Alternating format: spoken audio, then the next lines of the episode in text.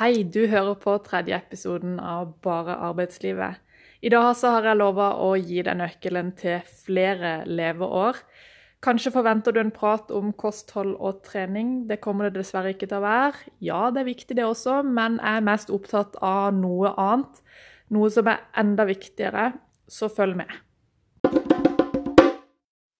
Mitt navn er Hege Helvik, og jeg skriver bok om arbeidslivet. Send meg en mail hvis du har noen erfaringer eller innspill på arbeidslivet.hotmail.com. I denne episoden vil jeg prate om de sosiale antidotene. Visste du at vi som samfunn bare blir dårligere og dårligere til å føre en helt vanlig samtale?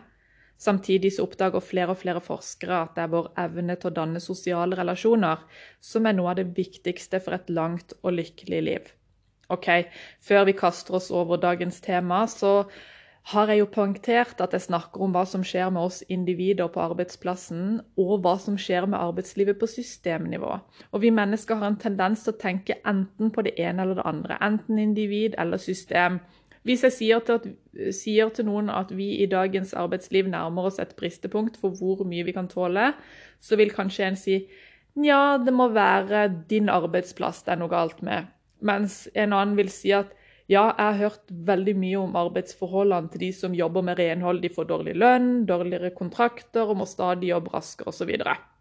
Den første vil legge skylda på individene, den bestemte bestemt arbeidsplass, mens den andre vil peke på et system, altså det hele bransjen og sektoren, og hvordan vi har organisert arbeidslivet. Psykologen Keith Payne forteller faktisk at disse preferansene våre, det at vi helt ubevisst legger skylda enten på individ eller systemet, henger sammen med våre ideologiske overbevisninger, eh, og også hva vi stemmer på av politiske partier. En som legger skylda på individet, vil stemme gjerne mot høyre, mens en som legger skyld på systemet, vil stemme mer mot venstre. Payne, som snakker om fattigdom i boka 'Følelsen av forskjell', sier at vi må forstå både hva som skjer på individnivå og på systemnivå for å forstå hvordan fattigdom oppstår og opprettholdes. Og Det samme gjelder jo arbeidslivet. Det som skjer med oss arbeidstakere, er ikke bare basert på hvilke valg vi tar sjøl, men også systemet vi sjøl er en del av. Ta f.eks. arbeidstid. Jeg som individ takker jo ja til en 100 stilling og jobber da 37,5 timer i uka. Samtidig er det et rammeverk vi har arva fra tidligere. Ingen av oss har bestemt at vi skal jobbe 37,5 timer i uka. Og vi står jo fritt til å si at vi vil jobbe 30 timer i uka som individer.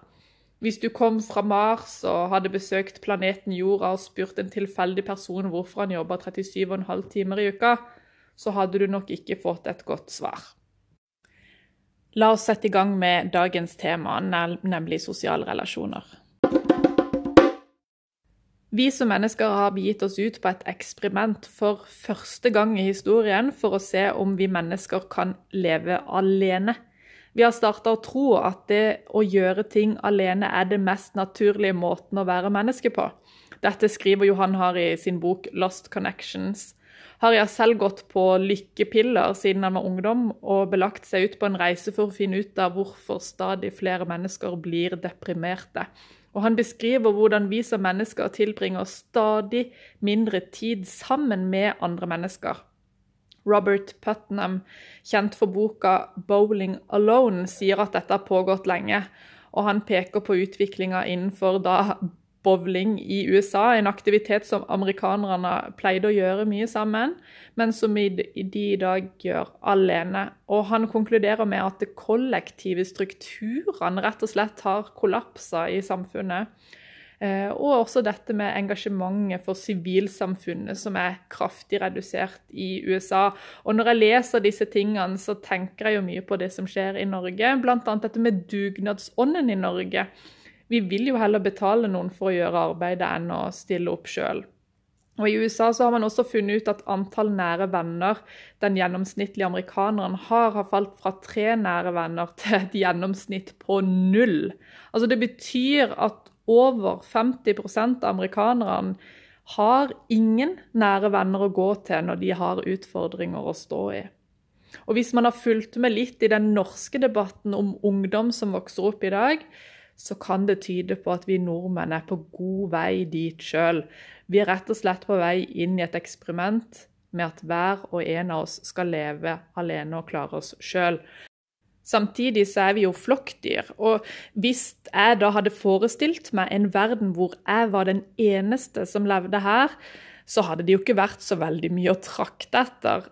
Faktisk så er de rundt oss så viktige at det er de som indirekte gir oss et langt og lykkelig liv. Men vi kan dessverre ikke legge skylda på de, vi må starte med oss sjøl.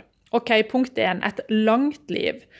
Av en eller annen grunn så har nabolag med italienere funnet nøkkelen til et langt liv. Og vi snakker jo ofte om denne middelhavsdietten, hvor bra den er for vår helse og våre liv. Men det viser seg at disse italienerne kan spise ganske usunn mat, og likevel så blir de over 100 år. Så hva er det som er hemmeligheten deres? Det er det sosiale livet. Det er alltid en eller annen kjøkkenfest, og det er alltid noen som stopper opp i gata for å slå av en prat. Susan Pinker har studert en av disse italienske nabolagene, og hun sier at de sosiale relasjonene våre faktisk er viktigere enn både trening og det å slutte å røyke for vår evne til å holde oss i live lengst mulig. Det handler både om de sosiale relasjonene vi har til de vi kjenner godt, altså venner og familie, men det handler også like mye, kanskje enda mer, om alle de samtalene vi har igjennom dagen. Både til de vi kjenner godt, og som vi bryr oss om, men også samtaler til det vi kaller for våre svake bånd. Han som lager kaffen din hver dag, postmannen, eh, resepsjonisten. Eh, eller det å delta i en strikkeklubb, boksirkel eller andre ting. Det er faktisk det som betyr mest for din forventa levealder. Men du må møte ansikt til ansikt. Vi kan ikke forvente oss den samme effekten av å sende meldinger på mobil. Jeg beklager. Og skjermaktiviteten vår den øker.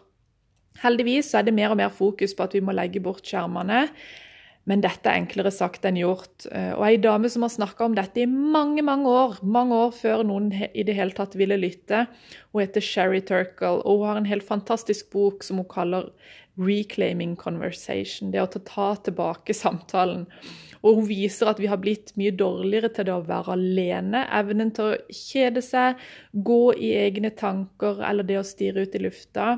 Det er en utdøende kunst, og, og, viktigere for oss enn vi skulle tro. Eh, og det er jo det fordi vi hele tida kan trekke frem denne her mobiltelefonen. Og Hun viser også hvordan vi når vi er sammen, faktisk ikke lenger er sammen fordi det alltid er en mobiltelefon der.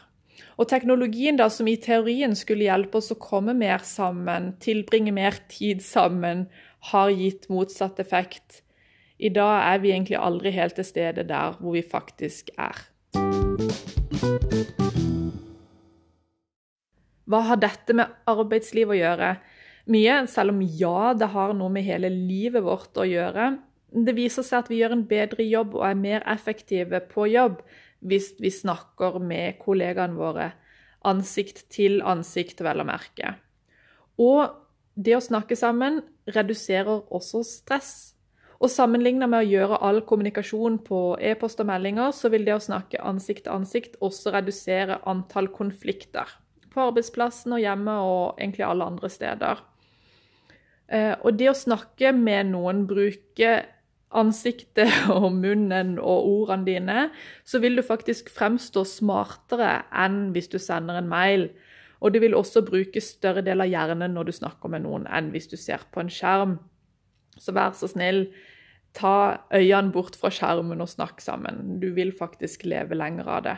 Og i tillegg så vil du leve et lykkeligere liv. Spør du de unge i dag, så sier de gjerne at de vil bli rike og berømte. Det er de viktigste livsmålene de har. Eh, og vi blir jo fortalt at hvis vi skal ha lykkelig liv, ja, da må vi jobbe hardt. Men Robert Waldinger, som i dag leder en studie som har pågått i 75 år, han har jo ikke vært en del av det hele veien, men han leder den i dag, han forteller hvordan de har fulgt menn fra de var barn og undersøkt deres helsesituasjon, jobb- og livssituasjon og intervjua de. De har sendt masse spørsmål og også intervjua de rundt i barn og, og, foreldre. For å finne ut hva som gir lykkelige og sunne liv.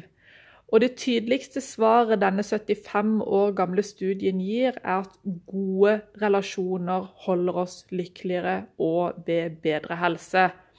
Det handler jo ikke om hvor mange venner du har, men om kvaliteten på de relasjonene du har. Så jobb med de relasjonene du har, for det er ikke alltid like enkelt. Det krever faktisk en innsats. Og det sies jo mye ufortjent om oss unge i dag, hvis jeg kan fortsette å få lov å kalle meg ung. Eh, men vi er jo faktisk dårligere til å føre samtaler. Og vi er også dårligere til å takle de vanskelige tingene. Og det er veldig urettferdig, for våre dårlige evner er jo ikke akkurat bare vår skyld. Sånn som jeg har nevnt innledningsvis, så kan man ikke bare peke på individ alene for å gi skyld. Her er det også et system, sånn som datidens normer for oppdragelse og utdanning, som vi har blitt forma gjennom. Men når vi først er her vi er, så er det vi som individer som kan starte med oss sjøl for å prøve å gjøre ting litt annerledes.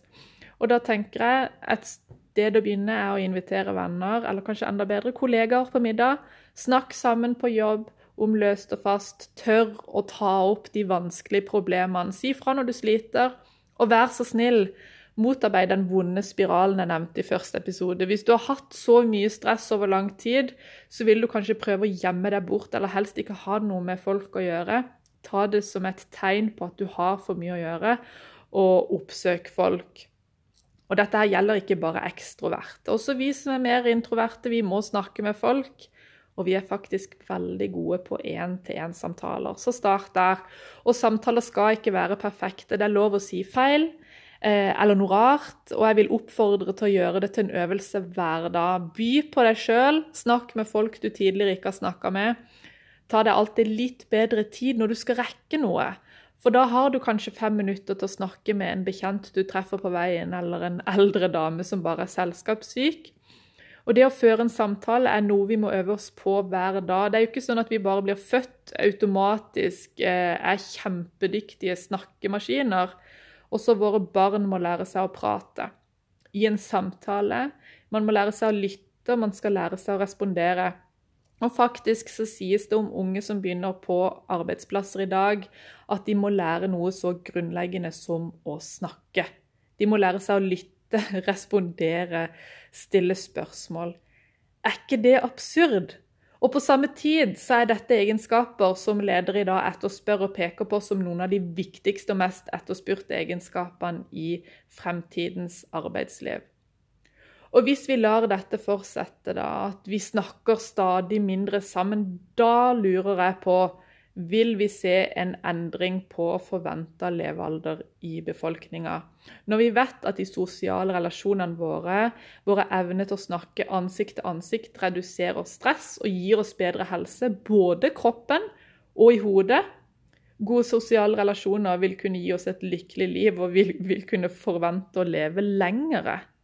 Og i dag så blir vi bare stadig eldre. Men hva skjer med oss når vi blir gamle? Vil den kurven snu og gå nedover igjen?